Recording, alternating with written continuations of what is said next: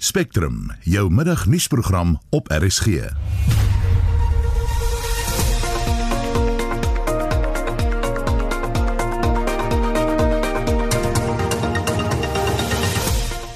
In die volgende uur die Gautengse ALR vir gesondheid Bandile Masuku is uit sy pos verwyder.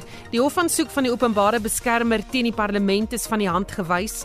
Die Vense its effort Ooh, die Vense Wêreldvoedselprogram is die ontvanger van die Nobel Vredesprys.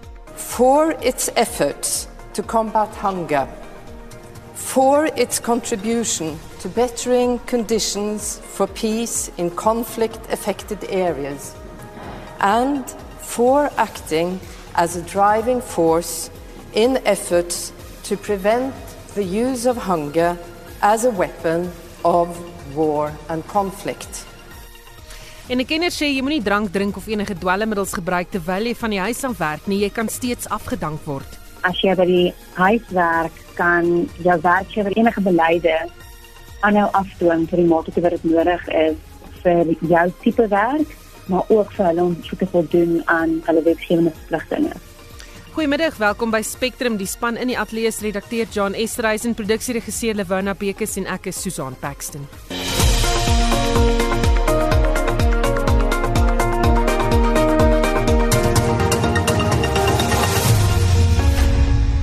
Sy bykans 11 minute oor 1 jy luister na Spectrum.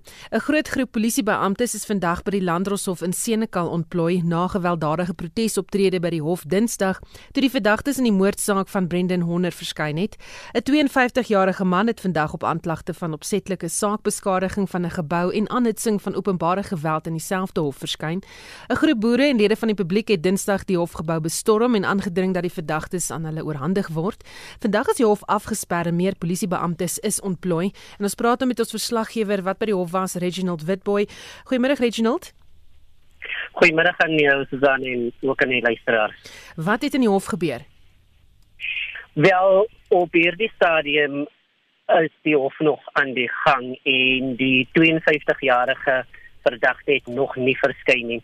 Wat gebeur het is dat die media aansoek moet gedoen het um vir vir hulle om of vir ons om fotos en videomateriaal binne in die hof te, te neem. So dit is onderweg en die staat en die verdediging um is gekant teen hierdie besluit en ek gesê uh, dit is 'n sensitiewe saak en die reg tot die beskuldigde se privaatheid oorweeg die publieke belang van hierdie storie homself en die landros wou toe toe het het toe het toe gesê dat die regstelsel aan almal oop is en wou weet hoekom die media die reg geweier moet word en die landros het toe die hof verdaag vir 'n besluit. So dit is waar ons op hierdie oomblik staan um, en die nuus het so pas ingekom ehm um, dat die media toegelaat word om hofverrigtinge voor en na die ja ehm um, te, te op te neem maar nie terwyl die hof aan die gang is nie. En my kollega Palesa het my nou so pas 'n WhatsApp gestuur um, van 'n van 'n hof so dit is die jongste. Goed dan, so kom ons maak nou net duidelik, so ons mag die verrigtinge voor en na die tyd af nie, maar nie wat gebeur binne in die hof nie. presies dit is korrek. Reginald, uh, wat gebeur buite die hof? Wel, soos jy vroeër reg genoem het, is dat daar 'n uh, ewige polisie teenwoordigheid is en da dit daar is nog nie soveel ondersteuners soos wat ons Dinsdag gesien het en boere wat byvoorbeeld nou uitgekom het om om om om hulle ondersteuning of of dat hulle wil of die 52 jarige boer te kom ondersteun nie. En dan ons sal dit seker um volgende week en Vrydag die 16de Oktober wanneer die twee verdagtes um in die moord wanneer hulle weer verskyn want ons weet um sommige politieke partye het al reeds aangedui dat hulle na die hof gaan opruk. Dan fotos en video's op sosiale media is ook drasties minder as jy kyk na wat vroeër die week gebeur het. Um is julle aangesê om nie fotos en video's te plaas nie? Nie so ver my kennis strek nie Susan van vanoggend ons as die SAK um het buite was buite om fotos en video's te neem en ons het opgelei op sosiale media so uh, daar was nie vir ons 'n mandaat gegee dat ons nie um, buite mag fotos neem nie. Al wat um, buite streng was is die die feit dat die die die paai is afges, afgesper en as ons na die hof toe wil gaan moet moet ons vir die polisie ons media um, kaarte gewys het maar sover my kennis strek is uh, of word ons toegelaat om foto's buite die hof te neem. Hm. Jy het ook besoek afgelê in Paul Roo waar Brendan Honder 'n bekende was aan die inwoners van die dorp en jy het met die mense gesels. Wat is die gevoel daar? Die gevoel is dat ek het saam met 'n paar inwoners gepraat en hulle voel dat hierdie die dat hierdie moord breed was. Ehm um, soveel so dat ehm um, een persoon aan my gesê het dat hierdie twee verdagtes uh, voorheen saam met Brendan Horne gewerk het. Wel, ek kan dit ehm um, later bevestig wanneer ek saam met iemand gaan praat wat na aan Brendan was.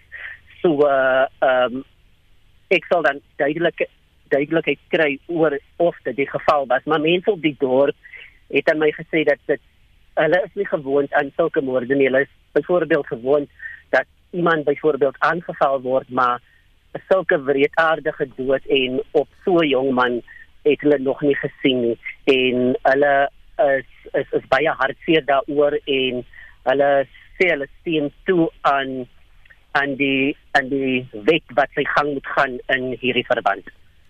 Baie dankie. Dit was ons verslaggewer by die Landdroshof in Senekal, Reginald Witboy wat daardie storie vir ons volg. Een verdagte het vanoggend vlugtig by die Landdroshof in Bronkhorstspruit onder streng polisiebewaking verskyn in verband met die aanval op Walde en Cynthia van Sail. Die egpaar is op 27 September op hulle plaas in die Spitskop Balmoral distrik deur 6 mans oorval en gemartel. Sowat 300 ondersteuners en betogers van die publiek, burgerregte organisasies en vakbonde het vanoggend by die hof byeengekom. En ons praat nou met die direkteur van die burgerregte organisasie Patriot vir Minderhede, Wessel Basson. Goeiemôre Wessel. Goeiemôre Susan, gaan dit goed? Met my gaan dit goed, maar vertel vir my, ehm um, wat het julle by die hof gedoen vandag? Man, ons was in solidariteit uh, met die van Saul gesin uh, wat natuurlik baie brutaal aangeval is, maar ook uh, vir al hierdie brutale en daaglikse aanvalle op alles pla uh, op ons plase deesdae wat maar net lyk vir my dit net nie stop nie. So ons was in solidariteit met die familie daar en dit wat uh, aan hulle gedoen is Uh so ja, ons was in solidariteit vir die familie en ons byst, uh, gaan ons bystand aan hulle gaan verleen het gesê ons ons uh, gee om vir julle en ons staan saam met julle deur hierdie donker tydperk wat met wat met hulle gebeur het. Jy was nou buite die hof, wat het alles daar gebeur? Want Susan, uh, kom ek vir jou sê eersins uh daar was baie polisie. Uh dit was natuurlik 'n baie goed georganiseerde uh 'n protesaksie geweest en ek moet die organiseerders baie gelukwens dit was baie ehm um, daar was geen dramas nie. Dit was baie rustig geweest hulle soos wat enige protesaksie waar ek betrokke is word dit 'n gebed geopen. En die mense het hulle regtig goed gedra en ehm uh, daar soos jy het genoem daar was ek ek skat daar was eerder tussen 400 en 500 mense op die eh uh, die inkoms maar ja die mense was eh uh, eh uh, het natuurlik eh uh, uh, ook in dieselfde lig gekom as ons in solidariteit met die familie en om toe te sien dat hierdie persoon nie borg kry nie. Voel dit vir jou of die land op 'n mespunt is? Jean, kom ek sê vir jou, die ANC, die EFF en BLF is die organisasies en partye wat hierdie land op 'n mespunt sit. Dit is nie die boere nie. Dit is nie die boere wat aanvallend is nie. Dit is hierdie aanvallende organisasies wat hierdie land op 'n mespunt Dis nie dis nie die plaasgemeenskap. Hierdie mense vra nie om vermoor te word nie. Hierdie mense vra nie om brutaal en desadistiese aanvalle aangeval te word nie. Hulle vra nie daarvoor nie. So as dit as dit as die land op 'n mespunt is, dan sit stywer en vierkantig op die regering en uh, organisasies BLF en EFF wat dit doen. Wissel, hoe stel julle voor met hierdie probleem reggestel word?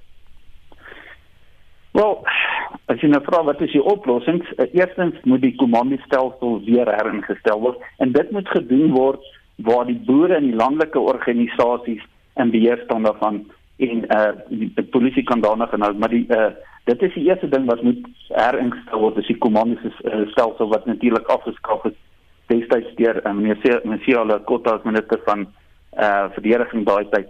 Maar dan wat ons sien dat daar weer uh spesiale taakspanne en eenhede opgebring uh, uh, aangebring word deur die polisie in elke provinsie om hierdie misdade en veral plaas plaasaanvalle te prioritiseer uh dat hierdie sake vinniger en doeltreffend geondersoek word. Maar die laaste ding wat ons oplossing is, minister Bekkie Cele moet afgedank word. Hy is besig om petrol op hierdie ehm um, op hierdie hele plaas ehm um, aanvalle en moorde. Is hy meer besig om petrol op hierdie situasie te gooi? En dan natuurlik wil ons sien dat mense soos Julius Malema en Andile Mkhitaryan van die DLF gearresteer word. Hierdie mense loop en verkondig op podiums, mense se dood, hulle hulle hulle loop gedurig rond en val die plaasgemeenskap af. Ons weet waaroor gaan hierdie grondonteiening sonder vergoeding situasie en dit dit gooi net meer petrol op die vure en ons voel dat verantwoordelike politiek uh, kan verantwoordelike dade meebring, maar onverantwoordelike politikuste moet moet vasgevat word en dit word nie gedoen nie. Dit is ons gevoel daaroor. Baie dankie. Dit was Wessel Basson, die direkteur van die burgerregte organisasie Patriot vir Minderhede en uh, hy was daar by die Landdroshof in Bronkhorstspruit vandag. Die Hooggeregshof in Kaapstad het die openbare beskermer se poging om die proses te staait wat tot haar afdanking kan lei met koste van die hand gewys. Die hof het gelas dat die OB nie 'n duidelike en sterk genoeg saak het om die parlementêre proses te stop nie. Dit kom nadat die DA weens verskeie hofuitsprake teen advokaat Bosisiwe Mqobani die parlement versoek het om haar uit haar ampt te verwyder. Regter Vincent Vincent Saldana, Elise Stein en Monde Samela het die uitspraak van byna 90 bladsye gelewer. En ons praat met die DA parlementslid Glenis Breitenberg vir kommentaar hieroor. Uh, goeiemôre Glenis. Uh, goeiemôre Susan, hoe? Dit gaan goed, dankie. Ehm um, wat dink jy of jy die DA van die hofbeslissing? Ja, ons is uit die af van die saak uh, tevrede met die hof se beslissing. Ehm um, ons is bly dat hierdie gedeelte van die geding afgehandel is. Ehm um, ons onthou dit is nog net uh, deel A van die van die hofgeding. Uh, maar ons is blij dat uh, ons op hierdie punt gekomen is. Um, Dat beteken die rest van die zaak kan uh, voortgaan en uh, die dan kan tot einde beginnen bewegen. En wat gaan die volgende stappen dan wees? Ja, hier is een deel A van die aanzoek geweest. Um, dit gaan oor... Uh, de, de, ons het nou ooreengekom, ons rechtspannen het nou ooreengekom dat uh, gedeelte B uh, uitgesteld wordt um, tot november toe.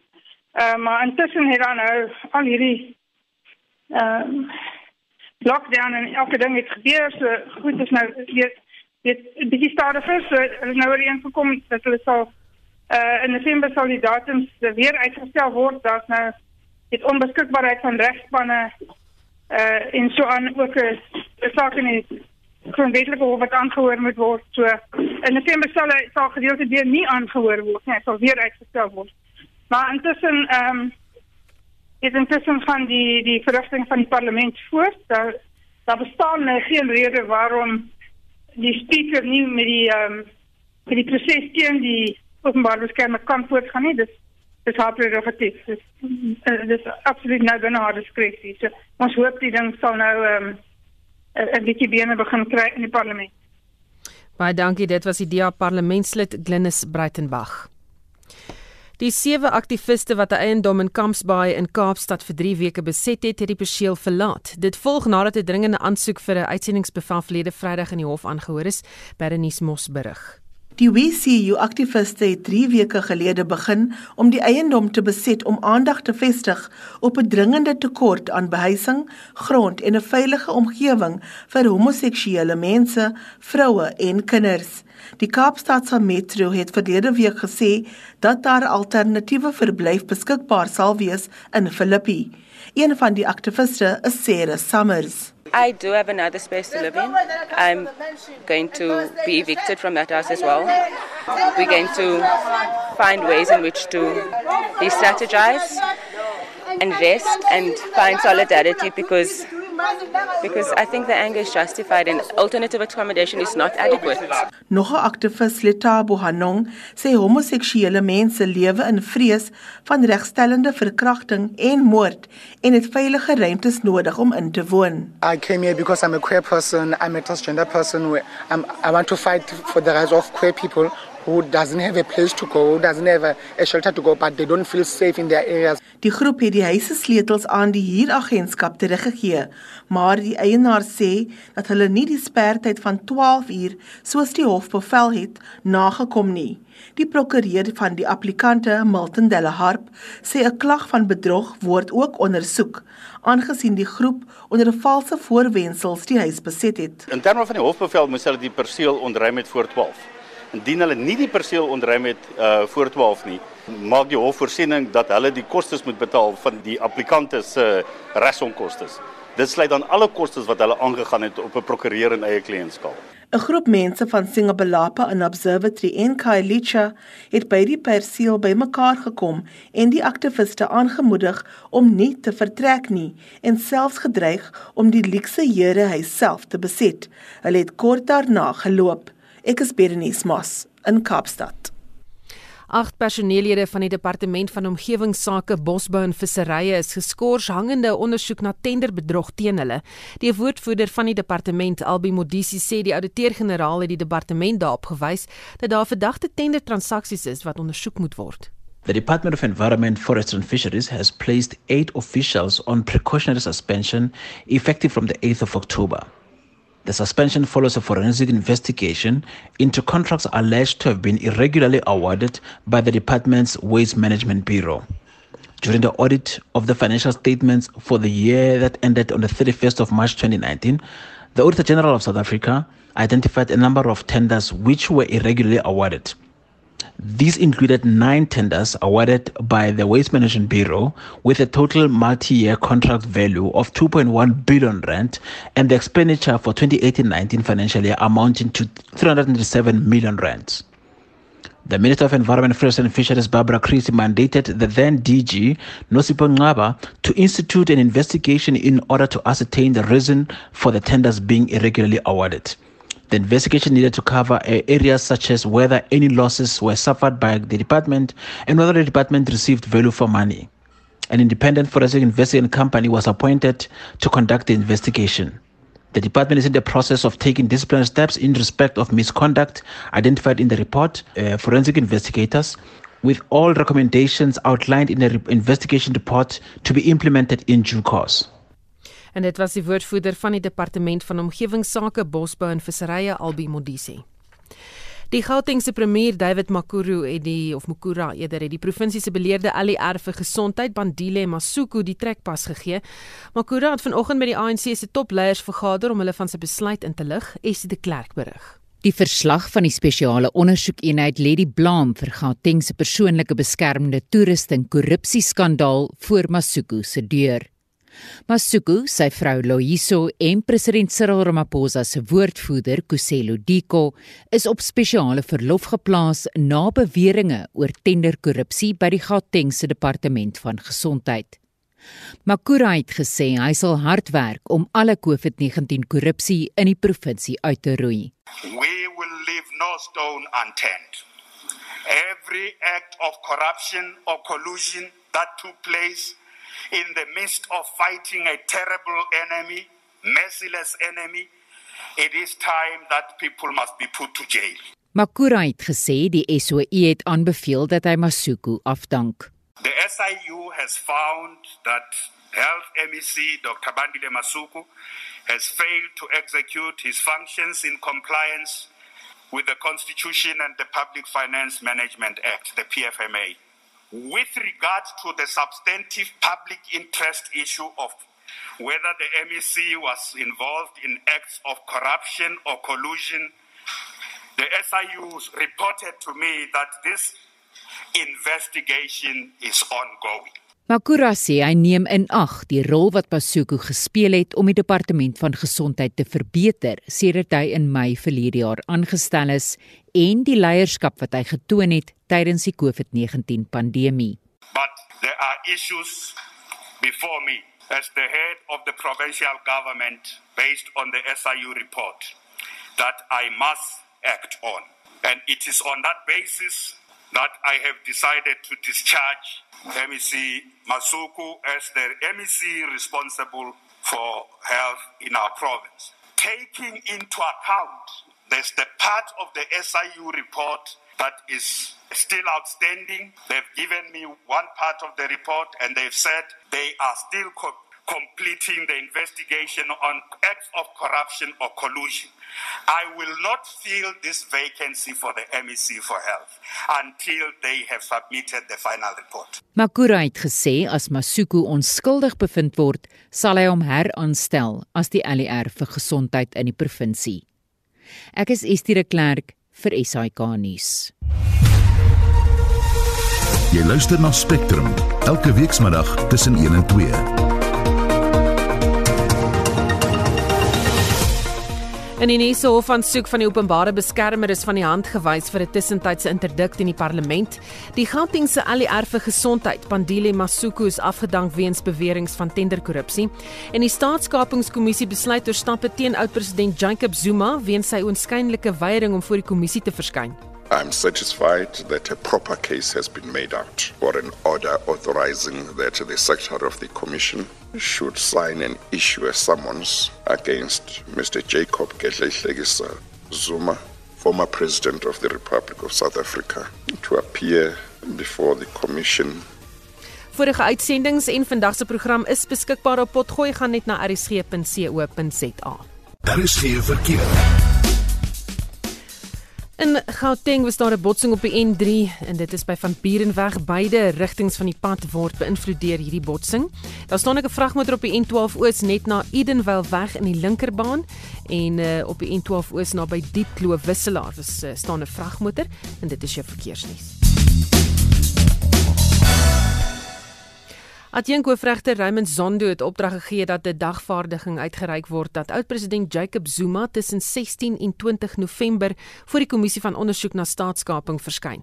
Zondo het gesê hy sal sy plig versaak as hy nie stappe neem om te verseker dat die regte mense voor die kommissie verskyn nie. Die kommissie se sekretaris het 'n aansoek gebring vir Zuma om te verskyn. Zuma se regsverteenwoordigers was nie by vandag se verrigting om die aansoek teen te staan nie. En ons praat met ons verslaggewer Naledi Nkobu. Uh, good afternoon Naledi. Good afternoon, Suzanne. How are you? I'm good. Uh, but evidence leader advocate Paul Pretorius said that there was mm-hmm. good legal grounds why Zuma should appear before the commission. What did he say? Well, he said that uh, you know Zuma had uh, was actually in leadership. He was the leader of the country during the time when all of these allegations of state capture and corruption were taking place. They essentially took place under his watch, and therefore he had a responsibility to appear before the commission and give evidence as to you know what was his knowledge in all of these incidences.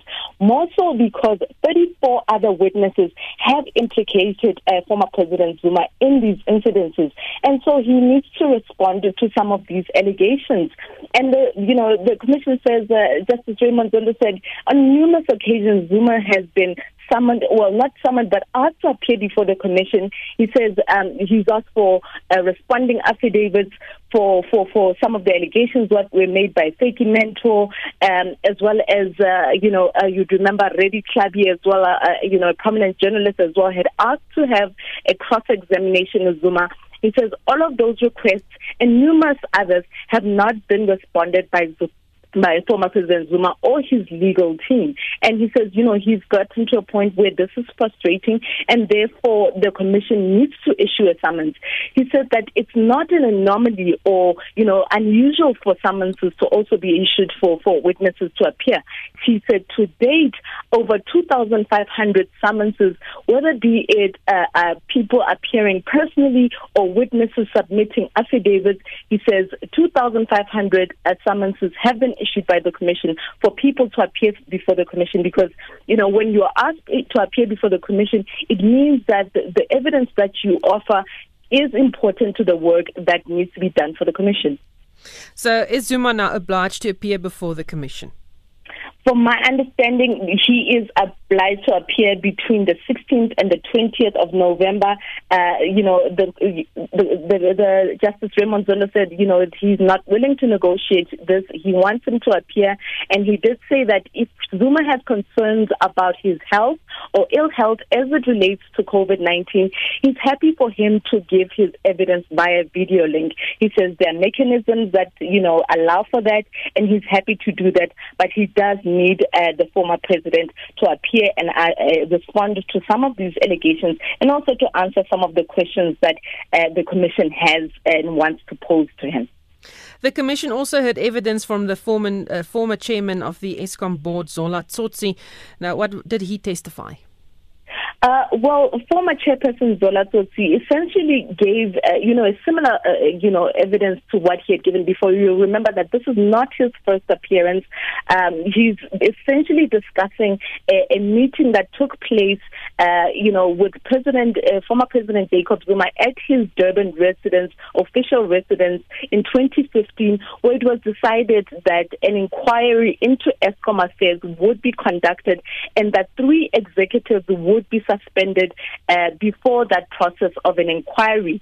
Uh, his contention there, though, is that you know the agreement with the president and the people who were at this meeting, including uh, a former chairperson of SAA, uh, Dudu he says you know the agreement was that there'd only be three executives, but subsequently it seems in the days after a fourth member uh, was also added to this, who was the financial director Tulufelo Molefe was also added as one of the executives who would be, uh, you know, added to the list of those to be suspended. And essentially, all of this seems that uh, it seems as though that you know all of these executives would be suspended in order to make way for people who would be able to facilitate and approve, uh, you know, contracts for the Guptas.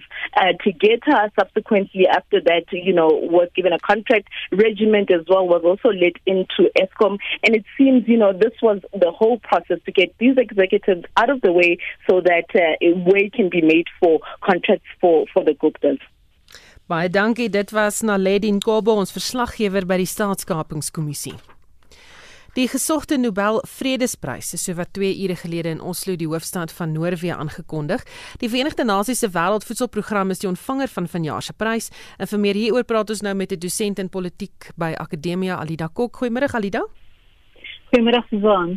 Baie mense het vooraf gespekuleer oor wie moontlik die prys kan wen. Was jy verras deur die finale wenner? Ja, ek dink ek was verras as dit die die, die gunstelinge onder andere was het uh, rolspelers soos die Wêreldgesondheidsorganisasie, Jacinda Ardern van Nieu-Seeland, Donald Trump, Greta Thunberg en mens moet in ag neem byvoorbeeld in weet in die geval van die, van die uh weet hierdie hierdie prys is op 'n manier ook 'n weerkaatsing van ons internasionale samelewing want mense spesifieke persone kan nominasies indien by die komitee. Ehm um, so hulle ontvang daai nominasies en besluit dan oor die nominasies in 'n meerderheidsstemming later in die, in die jaar.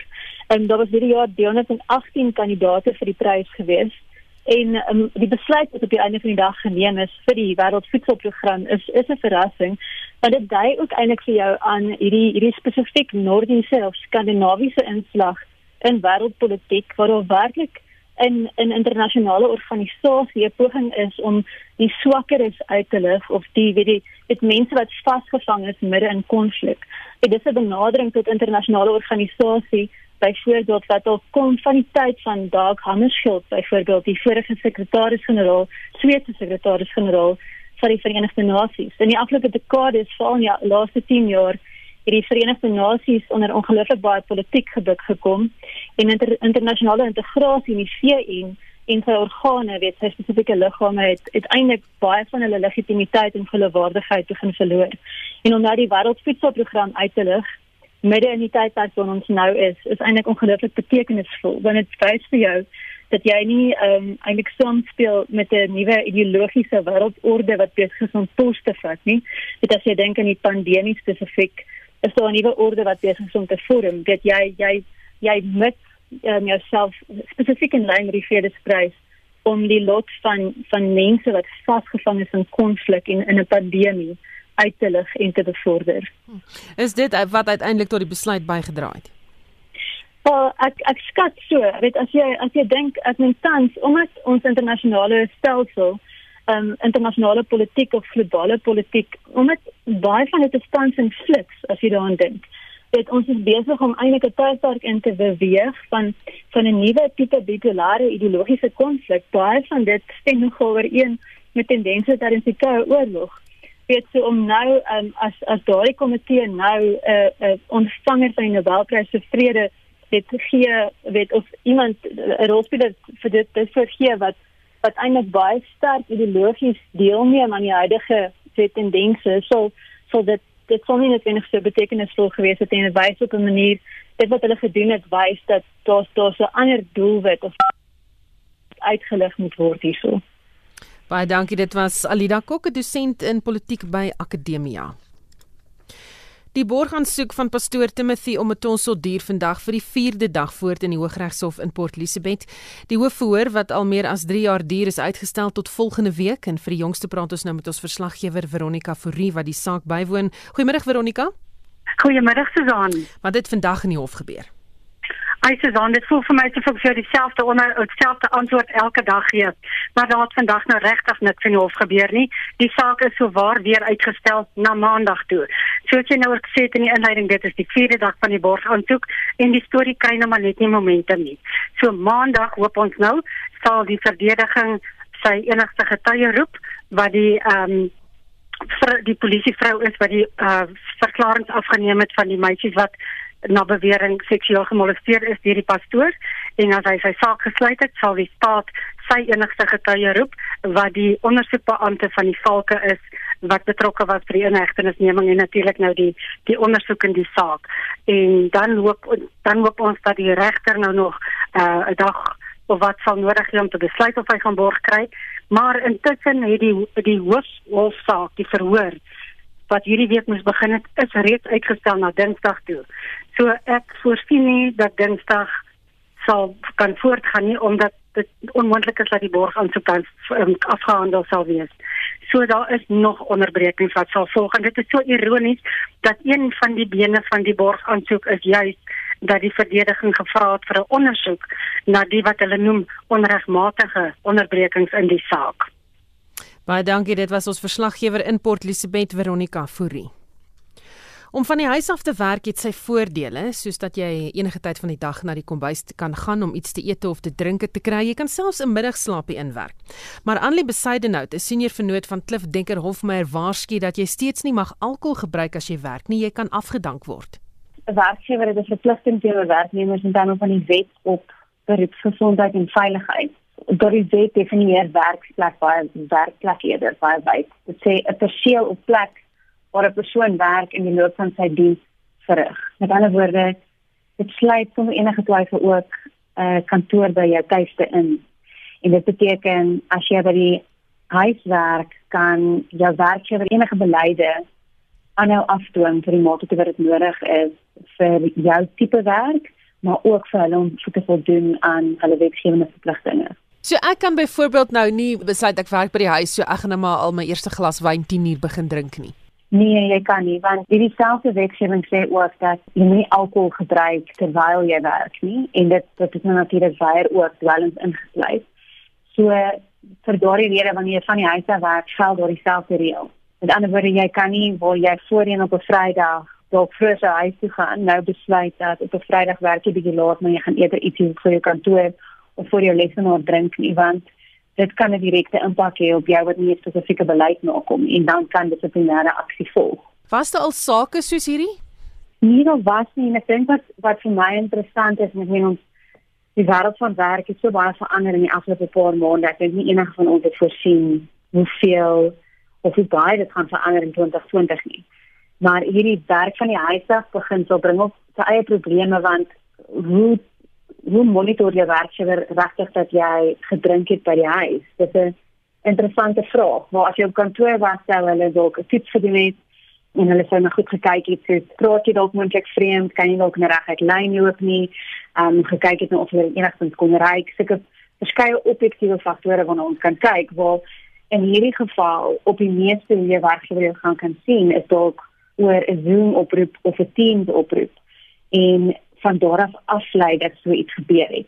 Met dit nou behalwe as jy die vermoedigheid het om iets te drink op video en almal jou sien, dan is dit redelik duidelik. So dit kan tot interessante sake lei, dink ek. Wat is die verantwoordelikheid van 'n maatskappy in hierdie opsig? Ek dink die verantwoordelikheid van 'n maatskappy is maar om aanhou hulle werknemers te sê en ek dink meeste besighede is, is vir al in Oktober besig om daardie tipe e-posse uit te stuur om te sê ons is nou vlak 1 dis vir die res van die jaar lyk, dis dit lyk as jy terugkom werk toe. Idee is net dat van die huis af mag werk en daai tot die mate wat daai evaluasie nog nie gedoen is nie, is dit 'n belangrike een om te doen. Maar dan ook om tydens daardie proses en gesprekke dit duidelik te maak dat tot die mate wat mense van die huis af werk, lê hulle onderhewig aan die nodige beleide van die maatskappy en hulle kan steeds gedissiplineer word.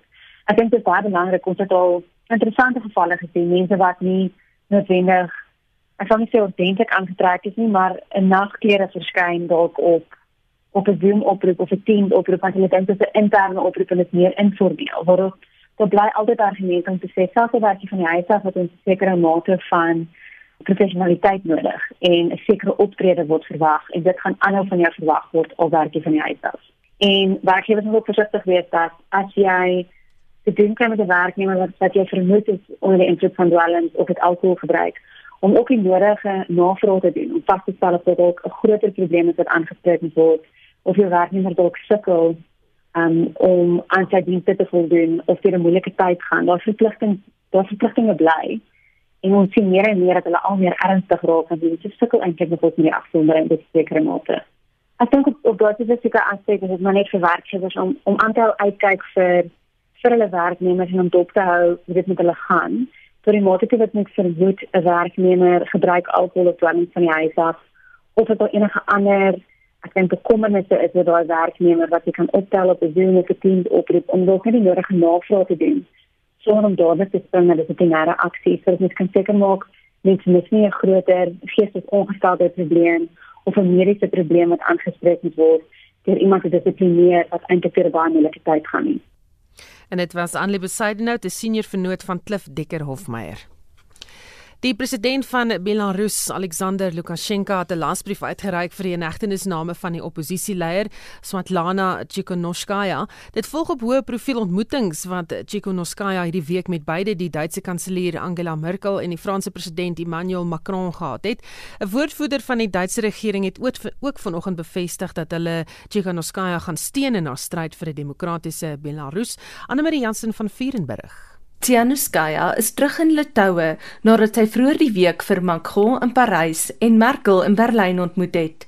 Hier moes hy uitvind dat Anatol Liabetska, wat die voorhou in Belarus namens die oppositie in Minsk gevange gehou word. Intussen het Belarus se departement van binnelandse sake bevestig dat hulle 'n lasbrief vir haar inhegtenisname uitgereik het. Weens bilaterale verhoudinge met Rusland is hierdie lasbrief ook in Rusland geldig. Reuters joernaliste het vir Tikhanovskaya gevra hoe sy hieroor voel. I haven't said that I had any kind of reaction because it uh, didn't change anything for me. It didn't change my strive for changes in Belarus. So I knew that I can't go home because I will be jailed just uh, at the border. So uh, didn't know about this investigation, but again, it didn't change anything. We are striving for victory, and only after victory uh, I can go home. Intussen plaas Belarusse in die buiteland toenemende druk op die internasionale gemeenskap om Lukasjenko te dwing om uit te tree. Die leier van die internasionale solidariteitsbeweging vir Belarus in Brittanje, Alex Petrasso, sê dit lyk of hulle weerstand vrugte afwerp, hoewel oppositie teen die Lukasjenko-regime selfs in die buiteland vervolg word. 'n Vraag wat opkom, is hoe die president dit regkry om hierdie operasies oor die grense te bedryf. Volgens Patruso speel Russiese oliemagnate na bewering 'n rol hierin. Belarus has very effective prosecution and intimidation machine apparatus the KGB haven't changed changed the name and haven't changed their nature.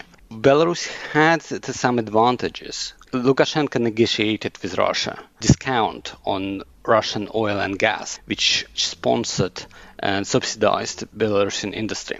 And it's been main source of revenue for Lukashenko. We have an, a lot of a strong chemical industry, a lot of refineries, so we will buy auto cheap Russian oil, refine and resell it. We'll fund his uh, regime. Doch sê Patruso, daardie kraantjie is nou besig om op te droog.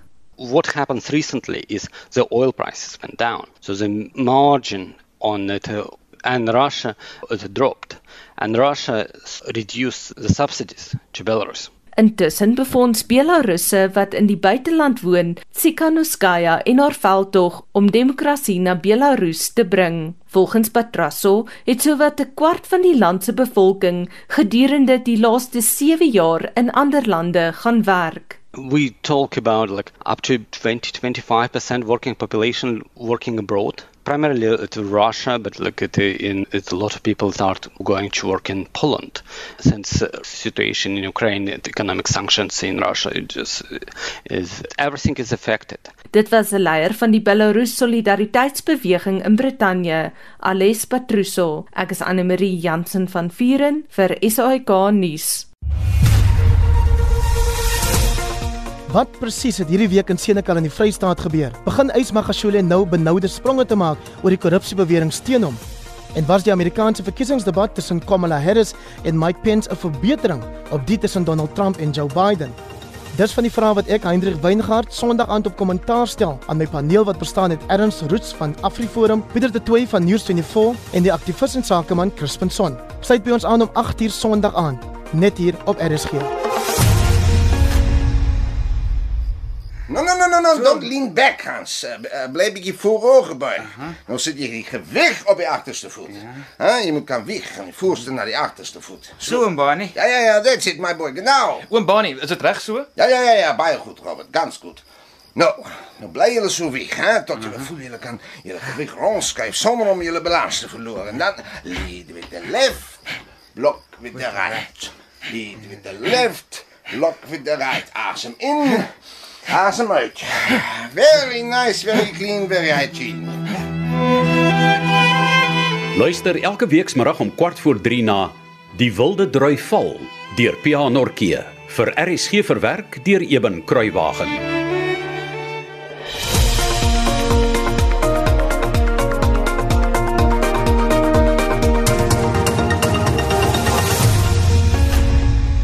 Presies 1352 jy luister na Spectrum.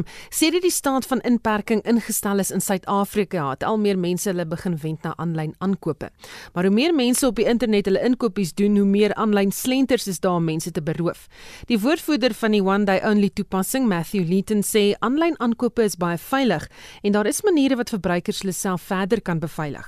Long and short of it is, it's a lot safer to shop online than people necessarily think. I think maybe the movies and kind of the general perception is that your details are now in cloud.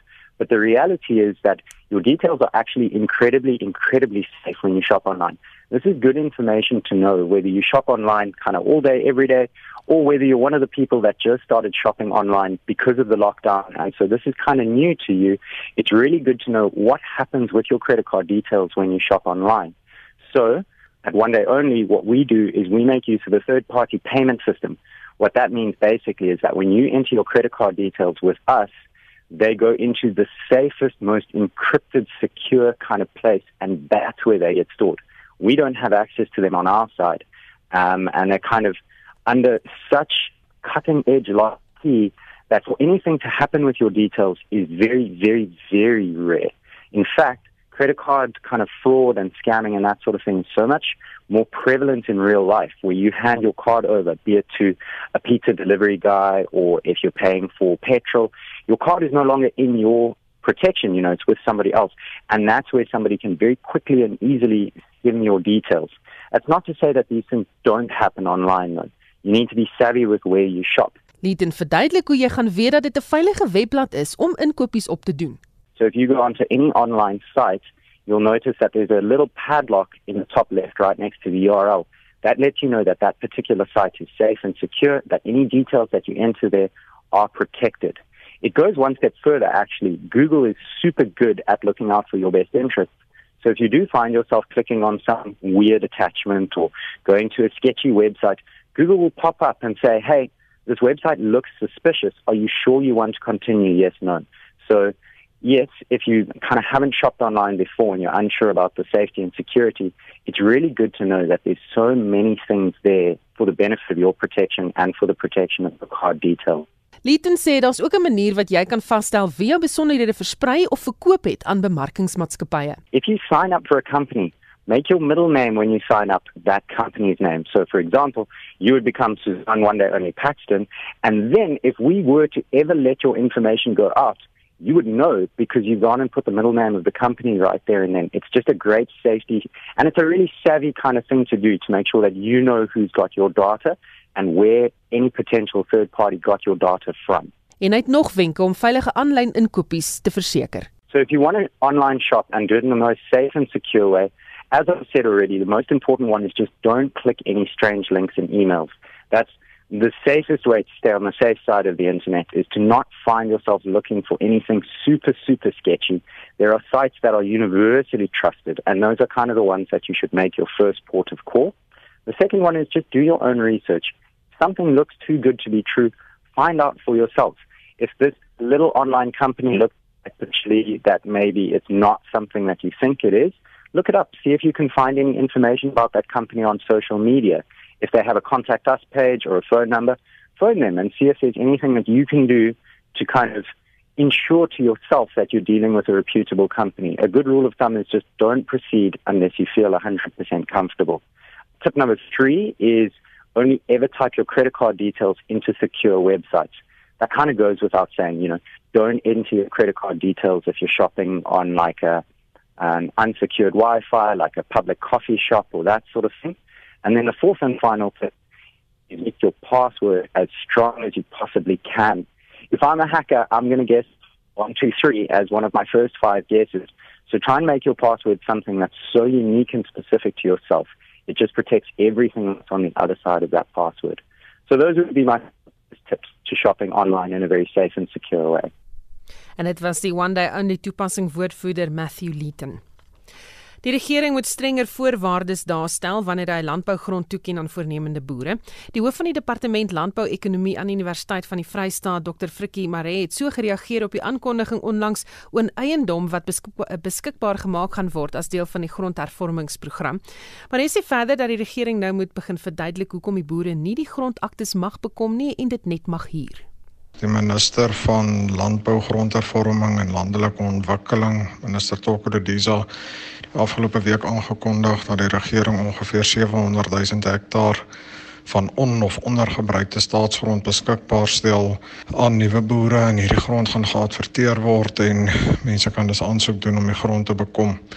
Nou alhoewel dit 'n positiewe stap vanaf die regering se kant is, is daar 'n paar positiewe en negatiewe punte volgens my wat hierdie stap beïnvloed. Aan die positiewe kant is dit duidelik dat die regering 'n uh, proses in plek wil sit waar hierdie boere die nodige opleiding ontvang voor hulle die grond ontvang om seker te maak hulle weet wat hulle doen en dan ook dat dit gemonitor gaan word om seker te maak dat die grond produktief geboer word. Alle insette wat vanaf die regering gekry word gaan ook volgens die verklaring op datum gehou moet word en na gekyk word.